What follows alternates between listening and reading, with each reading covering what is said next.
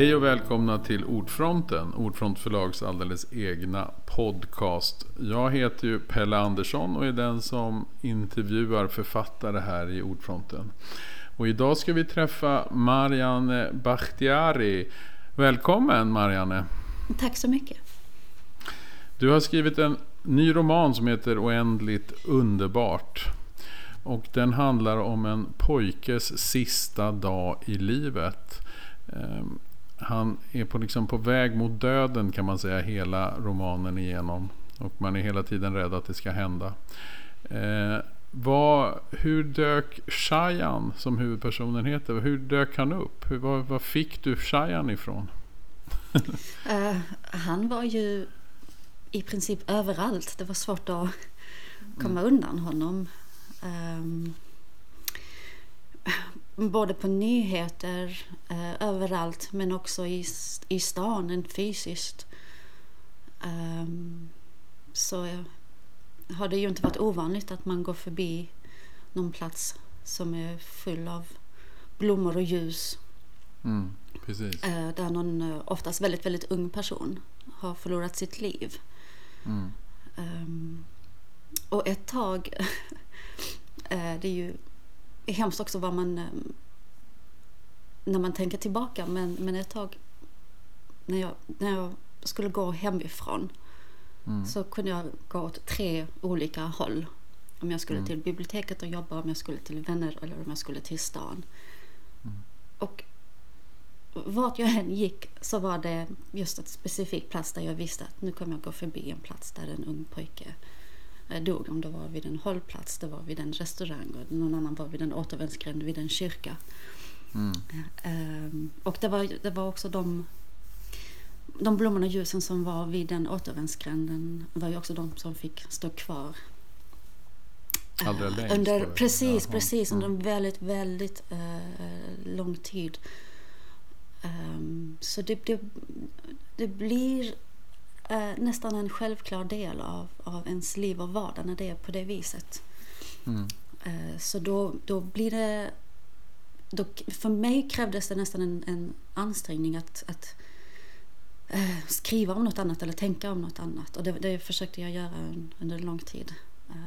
till slut så gick det inte. Nej, för när, när vi började prata om din roman, alltså du skrev ju en roman för några år sedan som heter Godnattsagor för, Godnattsagor för barn som dricker. Och sen har, vi ju, har jag fått läsa lite utkast till nya ja. berättelser och så. Och det var ju ja. inte alls den här berättelsen på något sätt. Alltså, det fanns ju väldigt mycket Malmö i den och så. Mm. Men, men är det så också att under de här åren så har också just det här fenomenet blivit på något sätt upptagit Malmö på något sätt? Att, att det har blivit mycket mer våld och skjutningar eller har det varit så under väldigt lång tid? Hur många år skulle du säga att du har levt i det här? Att du har sett de här platserna och upplevt det här påträngande? Um, det är väl under en längre tid och det mm. är Eh, men det, var, det har väl... Jag tror att jag upplevt det som mest under de kanske fem, sex senaste åren. Mm, precis. Ehm, men det har ju pågått under en längre tid att folk mm. har skjutits. Och vad gäller Malmö så har vi även haft Peter Mangs. Mm, jag vet. Eh, mm. Som föregick det här. Ehm, och som också hade pågått mycket längre än vad jag trodde. Jag, jag, mm. jag, efteråt så äh, blev det kom det som en eh, chock för mig. Mm. Eh, hur länge han hade gått eh, och skjutit folk på gatorna här. Det, också så, det var ju så märkligt också att, inte, att man inte kunde förstå att det var på något sätt en gärningsman och att det var någon som höll på med det här. Med tanke på att vi även hade erfarenhet av Lasermannen och, och så mm. sedan lång tid tillbaka. Att man inte hade bättre förståelse för detta. Nej men precis. Men, uh, men så det blir, det blir svårt. Ja, det blir svårt att tänka på något annat. Det blir, det är liksom... Um, det blir, det blir svårt att kunna fokusera på annat. Och då tror jag att det mm. märktes mm. i det andra som jag försökte skriva. Och som mm. jag skickade till dig. Att, mm. att um, jag ville så gärna berätta om något annat men, men jag kunde inte riktigt um, vara närvarande i det. Så då... Um, Jag försökte skriva dramatik ett tag, jag trodde det var kanske mm. därför. Men, men samma sak där, jag, var, jag kunde inte fokusera. Så till slut så var det... För jag, jag trodde inte att jag kunde skriva om, om en, en 14-15-årig pojke. Det var därför jag tänkte att det inte är min berättelse att, att berätta. Nej. Så jag tänkte berätta om annat. Men eh, eh, som författare är väl det, man, det enda man kan göra är att bara skriva om de berättelser som man kan och som man blir så besatt av. Mm, precis. Eh, som, som man bara måste få ur sig. Ja, precis. Ja, ja, precis, mm. precis. Men hur har det då, hur har du tyckt själv att det har varit att, att skriva om en, en, någon som inte ligger dig så akut nära egentligen? Alltså det är akut nära som samhällsfenomen och som att du är drabbad av det här, att det händer runt omkring dig. Men just mm. att gå in i en, i en tonårspojke och försöka mm. skildra han, han, mm. hans liv inifrån. Hur, har det varit extra svårt eller har det också varit lite spännande att vara i den, i en annan um, människas värld? Ja, det är man ju på sätt och vis hela tiden eh, ändå. Och det är mm. det jag gillar med skrivandet, att få en chans att tänka sig in i andra människors eh, liv. Det jag hade jättesvårt för var att den här karaktären skulle dö. Mm. Och att jag med mitt skrivande skulle döda honom. Det, det tog emot eh, jättemycket. Mm. Eh, och det, eh, även när jag bestämde mig för att skriva så var det som jag ville inte skriva om honom, jag ville skriva om alla omkring honom. Mm. Eh, för jag kommer ihåg att både redaktören och min man när de läste manuset mm. eh, påpekade det på sina olika mm. sätt. Att, att det, det är fortfarande ett avstånd till den här pojken. Det var som jag var, jag var så rädd mm. för att göra honom levande um, och närma mig honom eftersom jag visste vad jag skulle göra med honom i slutet av boken. Mm. Um, och min redaktör sa det så bra, hon sa så fort han möter någon annan så får man veta så mycket om den andra personen. Mm. um, så, så det var också någonting, det var ett stort motstånd inom mig som jag fick uh, tränga bort. Mm. Uh, helt enkelt. Och, och tänka på honom som en levande... Mm. Mm. Ja, men och tänka på honom som en... Uh, jag, vill, jag, jag ville jättegärna att det skulle vara en väldigt, väldigt vanlig pojke. Inte mm. speciellt smart, inte speciellt talangfull, inte speciellt dramatisk, inte speciellt farlig eller dum. Utan en väldigt, väldigt vanlig pojke som har en vanlig dag mot slutet av sommaren innan skolan ska börja igen. Uh, han är 14 år och ska snart fylla 15. Um, Precis som min son kan man säga. Ah, ja, mm. ja. Mm. Um, men där han lever i en tid och i ett samhälle där um, där något sånt kan hända. En, en alldeles mm. vanlig eh, dag. Mm. Um, och han växer upp i ett område där det är... Även om han inte är kriminell så är steget inte långt bort från det kriminella. Nej precis, det ligger hela tiden uh, nära honom. ja. Det finns i hans vardag på något sätt. Mm. Precis. Um, därför också att, att man kanske kan bli skjuten eller skadad medvetet men även av misstag. Att, att mm. liksom, hoten och farorna är, är, är väldigt, väldigt många eh, eh, omkring honom. Samtidigt mm. som, som jag upplever att så är vi många som lever parallellt med honom utan den alls rädslan. Att, precis, alltid, ja. precis. Utan att mm. alls uppleva um, en, en, promenad på, på stans gator um, på det viset. Och vi kan hela tiden gå förbi honom. Mm. Eh, ett stenkast, ett stenkast från min port var det en, en 20-åring, bara några veckor innan jag skulle lämna in manuset, som blev knivhuggen. Mm. Och jag går ju förbi där med min son och han, i barnvagn och jag går, jag går liksom där hela tiden utan att känna minsta lilla eh, fara eller hot. Och det blir mm. också så slående. Alltså det, blir så, det gör mig så ledsen att, att, att man kan leva så nära i en stad som Malmö.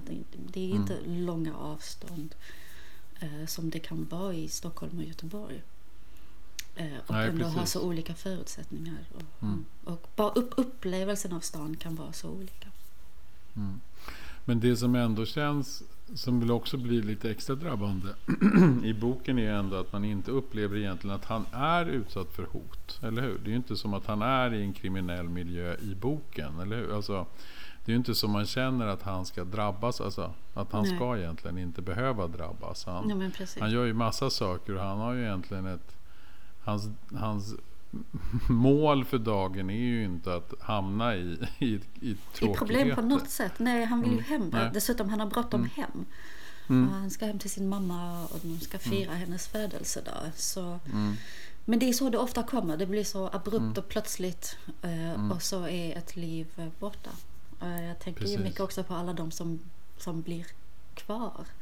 En bekant mm. till mig um, som bor granne med en familj som förlorade sin son berättar ju att, att det hade blivit skriverier om det i tidningarna men sen var det att han sa att sen går ju alla vidare med sina liv men, men vi mm. som är grannar vi hör hans mamma och hans syster hur de gråter på kvällarna och deras alltså, skrik och gråtljud är ju mm. där hela tiden. Så det är också så att det är en stad som är full av anhöriga, mm. vänner som har den här mm, som måste leva med den här saknaden och det här såret. Men det De går vi också, också bara förbi. Precis, det, ja, det, vi går förbi allihopa på något sätt. Man ser, alltså, ja men det är ju det att man inte kanske alltid har en relation, alltså man inte har en direkt relation själv. Så då tynar ju sånt där på något sätt bort. Jag tänkte på det själv, jag åkte med, jag har ju ett sommarhus utanför Södertälje. Och i Södertälje är det ju också väldigt våldsamt och har varit också under väldigt lång tid. Men nu har det ju som på något sätt blivit mer akut än vad det har varit på några år. Och då vet jag att jag åkte in en lördagkväll skulle jag till Stockholm. Och då passerade jag Ronna och då hade det precis varit en skjutning. Då hade någon blivit mördad där. Och då är det polisavspärrningar och så. Och just då upplever man ju det akuta rädslan. Och jag kan även nu när jag åker förbi tänka på det ibland att just det, för bara några veckor sedan var det det där. Men det kommer ju också förstås även i mitt liv att på något sätt blekna. Och så kommer jag inte riktigt att vara lika drabbad igen. Utan det var ju bara just den, den stunden som jag blev uppjagad. Men det är väl det som jag också tycker är så fint med boken. Och jag förstår också att de här personerna som han möter. Det är ju det som blir ändå. Det är ju det som drabbar en så hårt. I, tycker jag. I oändligt underbart. Att, jag, att man lever ju med alla dem. Mm. Man vet på något sätt att de han passerar, de han träffar, de han möter, alla de här släktingarna och vännerna som han ändå har, interagerar med. Så även om du tyckte att det kanske också blev väldigt mycket dem i boken först. Så är ju de otroligt viktiga för att ge den här bilden av, av, av hur många som drabbas när en människa rycks bort, eller hur? Ja, ja precis. Och jag tänkte också mm. att hur det är när man som läsare eller författare vet att det där är deras sista möten, även om de inte vet mm. om det. Men det där är det, det, sista telefonsamtalet eller det sista mm. mötet. Det är sista mm. gången eh, de får se honom eller höra honom. Um, och det är väl sånt man kan göra i litteratur och kanske, kanske under en kort period, i alla fall under tiden man läser, att, att det kanske blir lite mer verkligt för en. Mm. Mm. Men var det lättare för dig då att på något sätt skriva de mötena? Var det på något sätt var det också som ett slags flykt från att skriva om Cheyenne? Att det var, var det därför det blev mycket um, dom kanske. först? Kanske, ja. Eller så är det bara så också. Jag, jag, har, jag är så nyfiken på människor och vad som formar mm. dem. Och då måste mm. man ha så mycket av det som är omkring dem. Så även om mm. Eh, jag vet inte om jag överhuvudtaget kan skriva på något annat sätt. Att det, det, det, det blir liksom alltid packat med, eh, med karaktärer, vänner, grannar, eh, släktingar. Mm. Mm. För jag tycker det ser också så. Och att man får olika sidor av en och samma person komma fram. Hur man är med sina föräldrar, hur man är med sina vänner. Med någon främling man bara stöter på stan. Ja precis, han blir ju något slags prisma för alltihopa. Allt samlas ja. i Shayan och utan alla de färger som alla de andra är så hade inte han funnits på något sätt. Nej, vi hade, vi hade mm. i alla fall kanske mm. fått en annan bild av, av, mm. äh, av honom. Men hur har du liksom skapat bilden av Shayan då? Hur har du plockat upp, och du säger att du var ändå drabbad av att att det blev Shayan-personer var skjutna mm. i Malmö. Men hur har du hittat fram till din Shayan? Hur, hur, hur, har, du, um, hur har du kunnat skapa honom? Nej men jag ser honom överallt i stan hela tiden. Mm. Ja, så, Så det just det var inte så svårt. Nej. Precis, precis. Det, det var Mm. liksom inte så här, nu ska jag sätta mig ner och försöka tänka ut att jag ser honom, jag, jag hör honom. Mm. Eh, han är med hans vänner, jargongen, sättet de pratar, skojar, Mm. hur de eh, går, åker på elsparkcykel, där, ja. de står Mm. och stri- dricker liksom energidrickar och, och liksom, allt finns där så fort man, man eh, eh, går ut. Sen hur man gör Mm. litteratur av det är en annan fråga och det vet jag det, det, det är ett Det försök med varje bok. med. Eh, att inte bara registrera utan se vilka Mm. detaljer som, som är relevanta för den här berättelsen. Mm. Eh, Men var det lättare nu att ha ändå en, en, ändå en tydlig huvudfigur och en som ändå du fick fokusera på Shayan? Det var en utmaning. sen Ja. Ja, men det, det, det, var, det var en, en eh, utmaning. Men det var... Jag, jag tyckte om att skriva på det viset. Eh, Mm. också kunna... Att, att ändå försöka så gott det går att- att hålla sig till, till ett perspektiv och låta berättelsen eh, röra sig framåt genom Shayan eh, Mm. och, och hans värld. Det han kan... Mm. Det jag i alla fall tror och har fått för mig att han kan eh, tänka och känna och Mm. eh, istället för att vara helt och hållet den här allvetande berättaren. Eh, Mm. jag, jag har fått liksom... Jag, jag vet ju inte alls om, om jag har lyckats med det men försökt att eh, inte vara i vägen för honom. Lägga Mm. tankar i hans huvud eller ord i hans mun som är mina och inte hans. Mm. Ehm, men det var... ehm, jag ville gärna, jag var, jag var klar över att det var det jag ville göra. Sen, sen är ju frågan alltid, kan man göra det? Det är, en- Jo, det är en det- helt, helt det har- annan fråga. Det har du ju lyckats med, absolut. Men det, det, måste, det är ändå en liten annan process, tänker jag. För de, de andra bokböckerna du har skrivit har ju haft ett ganska stort persongalleri och ganska Mm. mycket människor och många saker som kan hända. Och det, kan, det, det, det är mycket också att folk agerar i, med varandra. Alltså Ja. att det uppstår situationer Precis, som de inte precis. riktigt ansvarar för. Ja, precis. Här, här är det ju, de andra är ju ändå relativt anonyma även om Mm. de kliver fram i de här mötena. Så. Mm. Mm. Jo, men precis. Den här boken har Mm. ju ett annat fokus. Mm. Det var därför jag också ville ha det, hålla det till en dag. Det underlättar ju Mm. den typen av berättande. Var det, också ett, var det också en utmaning? Eller var det ganska skönt att det bara var en dag? En dag i en pe- persons liv? Ehm, jag tyckte det var bra för det, det gjorde att jag Mm. kunde inte luta mig tillbaka till det som hur jag var van vid att skriva. Så Nej, det, det gjorde att, att jag var tvungen att eh, skärpa mig och lära mig Mm. ehm, hur man gör och, och, eh, och just att bara ta bort allting som jag skulle vilja berätta men som inte har med... Att bara lära sig den, den Mm. biten att, att även om en massa saker kan vara bra och intressanta men, men nu, nu så, jag måste vara lojal mot Shayan. Det var det. Mm. Det var det som Eh, var och det var lärorikt. Mm. Ja, Mm. ja, ja. Mm. Och det, var, det, det tyckte jag om. Och var det därför också du tänkte att du, det är lika bra att vi vet redan från början att han ska dö? Var det också ett sätt att komma undan det att skriva dig fram till att han ska dö?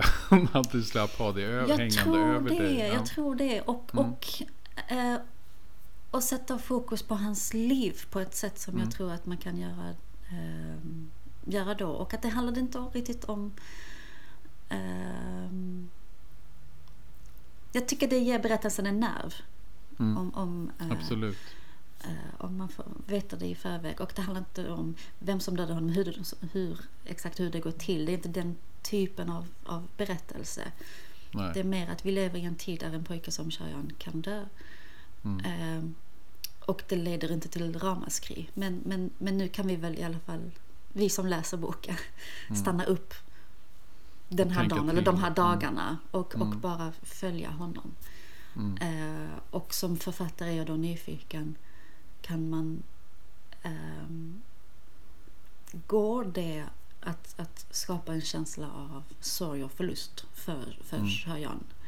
Mm. Ehm, så det är mer det det har. Jag, liksom inte, inte så mycket om dödandet utan att kan man, kan man få en läsare att sakna honom?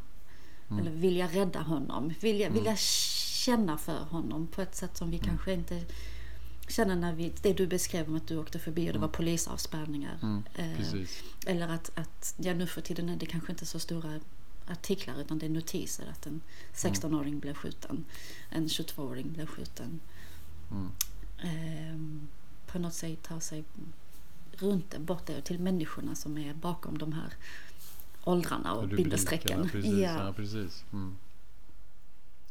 Men, men har det, för du, du beskriver det ändå som att det är själva berättelsen och att det är det där akuta som du själv har liksom gått, alltså i ditt Malmö när du är ute och går påminns du och du ser Shayan hela tiden.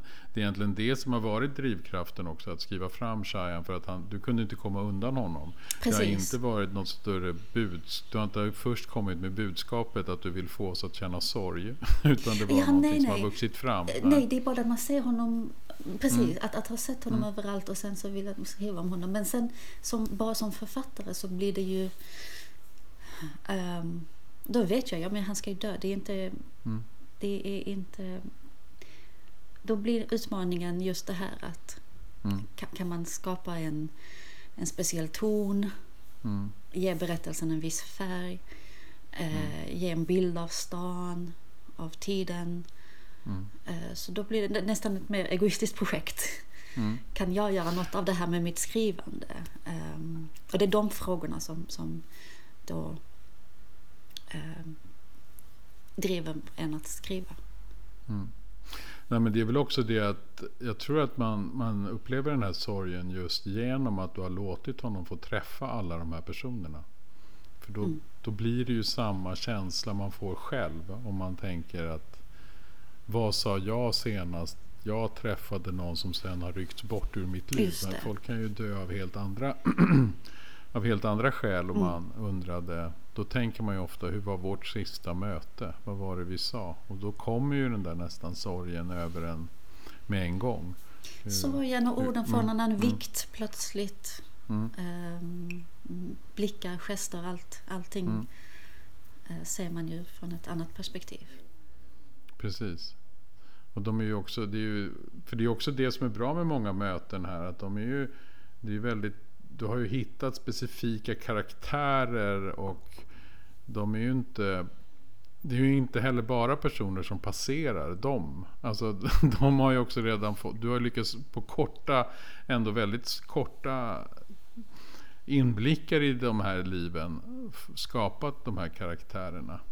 Men det, det, man märker att du verkligen du älskar ju att hitta människor att få skriva Jag tycker om, eller? jag tycker om mina karaktärer, det är det. Och jag vill så gärna, så jag vill så gärna skriva om dem. Och, de flesta fick jag stryka bort en massa. För, Mm. att, just för att det handlade inte om dem. Vad gör Nej, du med det nej. materialet sen då? Tänker du att du Jag sparar det det. så Nej, de kan komma nej. tillbaka sen? Nej, nej, nej, inget sånt. Jag bara, jag slänger det. Ja. Men, eh, men när man sitter där och då, hur dyker de där personerna bara upp?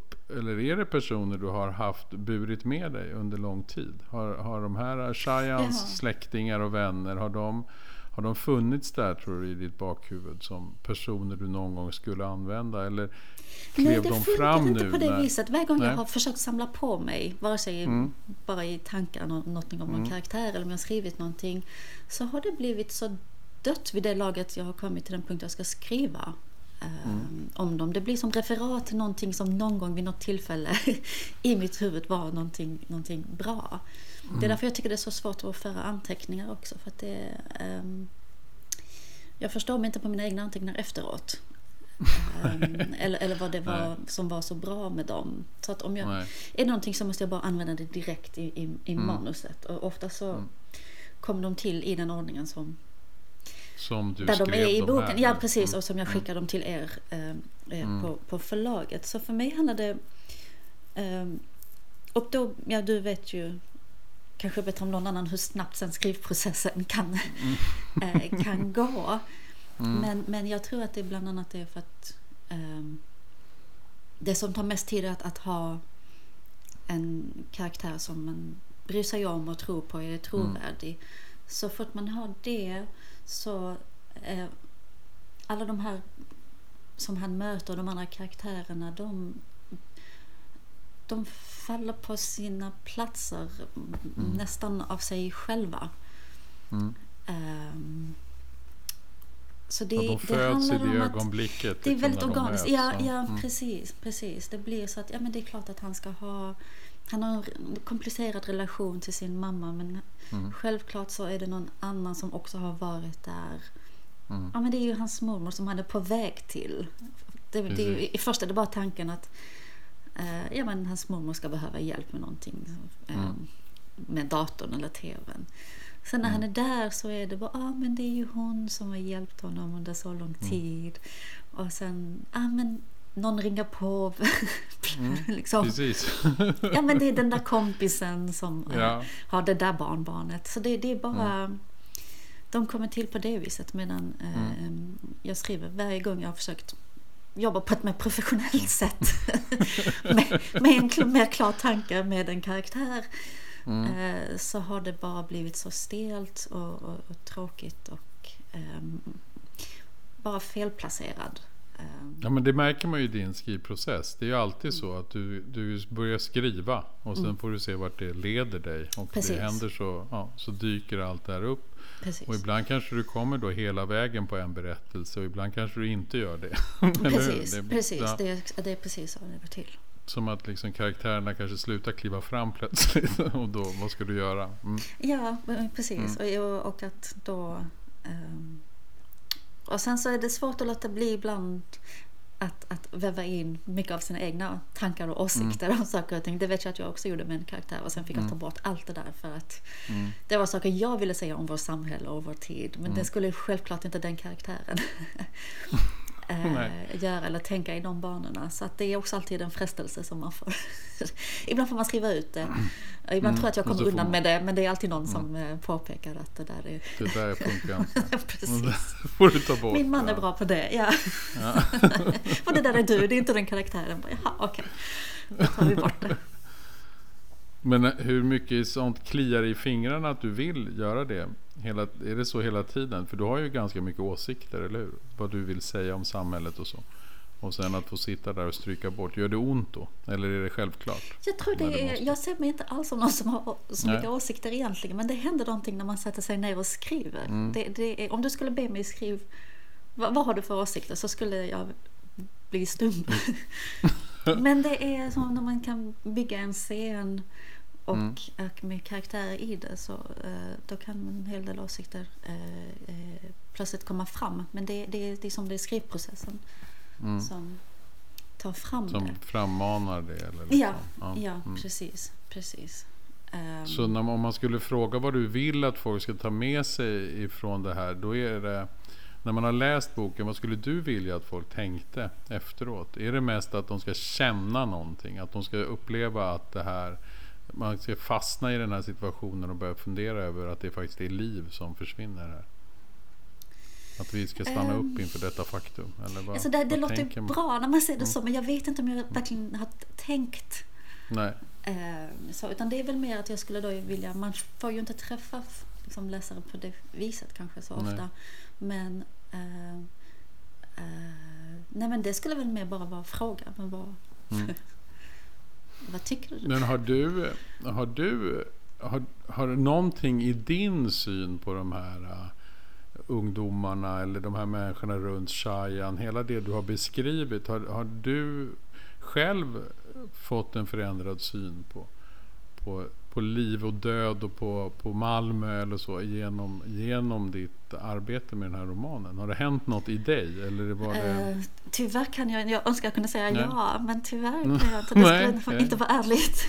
Nej? Eh, Men det jag har tänkt på är att jag är så glad att jag inte är så ung idag.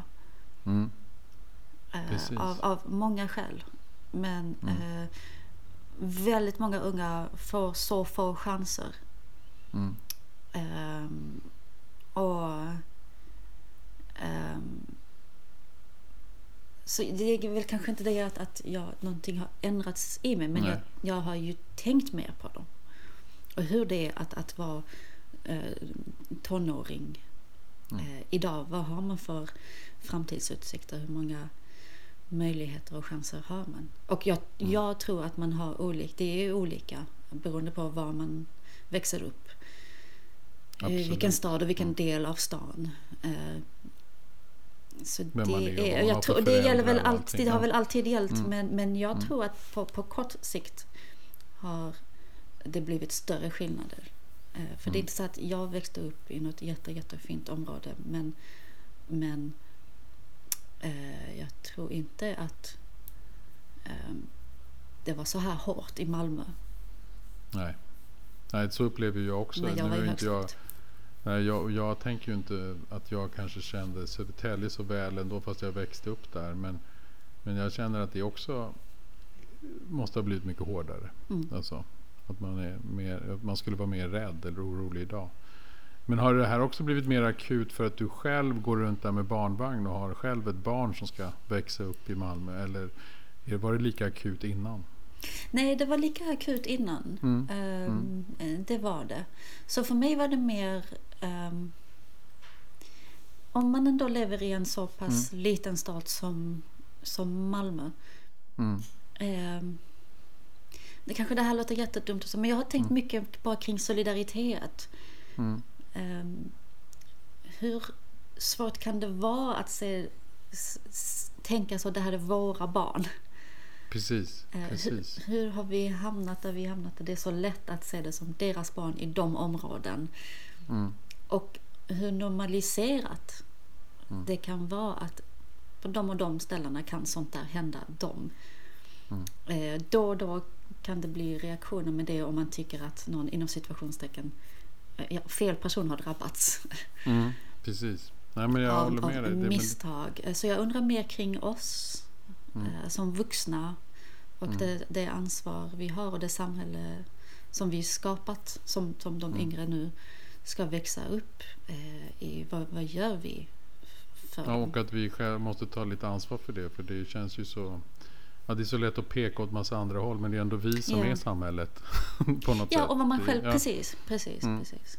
Och vad har man gjort? Vad har man, ja, vad har man gjort? För det, jag tror Och att det känns det är ett kollektivt sätter ansvar. Precis. När det sätter igång sådana här spiraler så verkar det heller aldrig finnas någon botten. Alltså förstår du? Det, det kan bara fortsätta, fortsätta neråt utvecklingen. Och då undrar man hur det kan solidaritet som vi ändå haft. hur kunde den uppstå? För nu Ja, verkar och det som synen att på barn. kan... Synen på Mm. barn. Så det är när det är 12-13-åringar Mm. som ja, konsekvenstänkande. liksom. Ja, Mm. och också Mm. liksom att, att ibland tror jag att vi, vi glömmer att det är barn det handlar om. Förväntar Mm. oss att de ska bete sig som vuxna eller vill straffa dem Mm. som vuxna. Mm. Eh, och hoppar över eh, så många punkter som har lett till att eh, Till att de lever och reagerar. Ja, ja, precis. Till att det blev som Mm. det blev. Ja. så då blir det att skriva ett, ett sätt att göra något av de här tankarna. Mm. Ehm, Mer än något annat egentligen kanske. Mm. Precis. Och få fundera, från, alltså försöka vrida och vända på det och se det från många olika vinklar och Mm. skapa någonting. Och stanna upp, någonting. stanna upp Mm. istället för att det blir att man bara Precis. scrollar förbi den nyheten. Mm. Eller den notisen. Eller att man hör någon berätta någonting hemskt. Att de har varit på begravning. Jaha, varför det? Ja, men det var grannens son. Precis. Så det var precis. något hemskt, sen är det ett samtal och sen är det liksom, går man in i sitt eget liv. Eh, Mm. Som är full av ja, ens egen vardag. Men det är... är ehm, att inte vara så frikopplad. eh, Nej, tror jag, det tror jag är viktigt. Det är väldigt viktigt Precis. att det är... Men eh, vad tänker du nu då när du har skrivit boken? Tänker du att du ska fortsätta skriva om det här eller vad, vill du fly från det här nu? Hur tänker du med framtiden? Tänker du att du ska... Jaha. Ehm, jag skulle vilja återvända till Iran för nu är det Mm. väldigt mycket det som upptar Precis. Hela din Ehm, tankevärld nu va? Precis, ehm, Mm. precis. Så eh, jag vet att ni ska komma med en översättning Mm. av en väldigt, väldigt fin bok som heter Mm. Sorgehögtid. Mm. Eh, men jag skulle jättegärna vilja eh, skriva om en, om en släkt. Mm. Ja, Iran. för det är också samma där, eller hur? Jag tänkte på det, man tänker på det med Iran, man tänker det med Ukraina och man tänker Ja. också det, precis samma tanke om Shayan. Mm. Det här hur saker kan vara akut i vårt medvetande. Vi kan vara helt uppfyllda. Vi kan liksom sitta hemma och vara väldigt oroade över vad som händer i Ukraina just när det händer. Mm. Och samma sak med Iran, att vi blir väldigt engagerade en stund. Vi som då inte har släktingar ja. och vänner där. Ja. Och sen plötsligt så bleknar det också. Alltså ja, oundvikligen. Det fast det rapporteras om i TV. Så, mm. Eller i tidningar. Så, så bleknar Något jag tänkte när, när jag mm. skrev just mm. om Cheyenne och, och många som honom. Mm. Är det tragiska också i att deras föräldrar eller deras morföräldrar mm. har ju kommit hit just för mm. att de inte ska dö. Oftast har de kommit från krig, eh, från förtryck. Um, och man har kommit till Sverige, till detta. Trygga, fria land. Precis. och, och, med hopp om en ljusare och bättre framtid. Och hur är det att förlora sitt barn? Precis. Där räddningen skulle finnas. Mm. Um, och hur går det när, när liksom, um, ja, utvecklingen går åt fel håll? Varje generation får det inte bättre. Um, Nej, man, precis. Man det har plötsligt en, vänt på något precis. sätt, eller hur? För det var precis. väl ändå så för ett, under lång tid att alla fick det lite bättre. Det var ja. ju någon slags positiv spiral vi var inne ja, i och nu, precis. nu har den vänt neråt. Och då, precis, precis. Då kan man så det är också sånt som, om man, apropå de här anhöriga som blir kvar. Mm. Mm det blir ju också någonting som de eh, måste gå runt och bära på. Precis. Ja, vi måste ju avrunda här, Marianne. Vi har ju lyckats prata i över 30 minuter om din fantastiska bok Oändligt underbart. och jag måste bara säga att det var ju ändå fint att du tog tag i det där. och att du ville stanna ja. i den där känslan och skriva ja. om Shayan. Och att du hittade Shayan och lyckades formulera dig kring honom så jag, jag vill verkligen tacka för att du gjorde det. Och tack för att du kom hit till Ordfronten. Och kul ja, att få prata med dig om, om, boken. Även om det var lite, även om det blir ett lite mörkt samtal. Det blir ju det. Det är ja, svårt det är att, att, se det här. Precis. Mm. Vi får bara ta det och hoppas på att vi kan stanna. Du har i alla fall fått mig att, att stanna. För jag blev ju väldigt berörd av boken. Även om den sen också har skrivits om lite efter att jag läste första gången. Just det, ja. så, så var jag ju redan första gången väldigt drabbad av, av Shayan och hans och hans dag i livet. Mm. Mm, så tack Marianne. Fint tack, att vi fick prata om denna. Mm, ha det gott. Så, Detsamma. Ja. Så det var allt för Ordfronten för den här gången och vi kommer att återkomma senare med fler avsnitt av detta och med samtal om böcker som vi på Ordfront ger ut under hösten. Ha det så bra. Tack. Hej då. Vi hörs.